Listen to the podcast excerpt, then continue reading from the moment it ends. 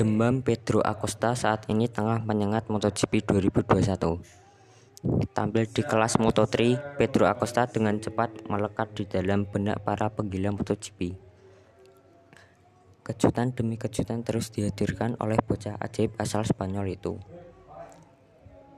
Menangi balapan meski memulai start dari paddock hingga membuat jarak yang lebar dengan pesaingnya di kelas Moto3 praktis membuat Pedro Acosta dikomentar oleh sejumlah pembalap MotoGP.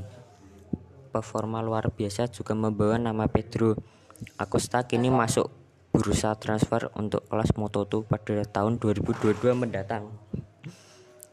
Namun belakangan ini wacana Pedro Acosta naik kelas justru dikomentari mengejutkan oleh bos KTM Aju dan Aki Aju. Dilansir juara net dari Motosan, Aki Aju justru menilai naiknya Pedro Acosta ke kelas Moto2 adalah sebuah sebuah hal yang rumit. Tak menyebutkan secara detail soal kerumitan yang ia maksud.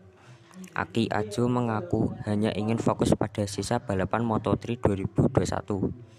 Kami melihat hal ini lebih rumit, tutur Aki Aju. Untuk sekarang, Sekali lagi kami harus fokus pada pekerjaan kami, ibunya. Selain Pedro Acosta, KTM Aju juga memiliki pembalap ajaib lainnya di kelas Moto2, yakni Raul Fernandez. Tak berbeda jauh dari Pedro Acosta, Raul Fernandez saat ini juga tengah jadi bumbu pembicaraan yang sedap di kelas MotoGP. Raul Fernandez bahkan sempat digadang-gadang bakal jadi suksesor Valentino Rossi di tim Yamaha.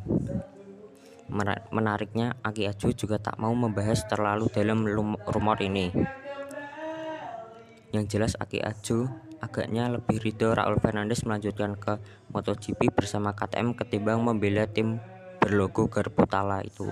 Saya tidak ingin terlalu ikut campur dalam rumor ini, tuturnya.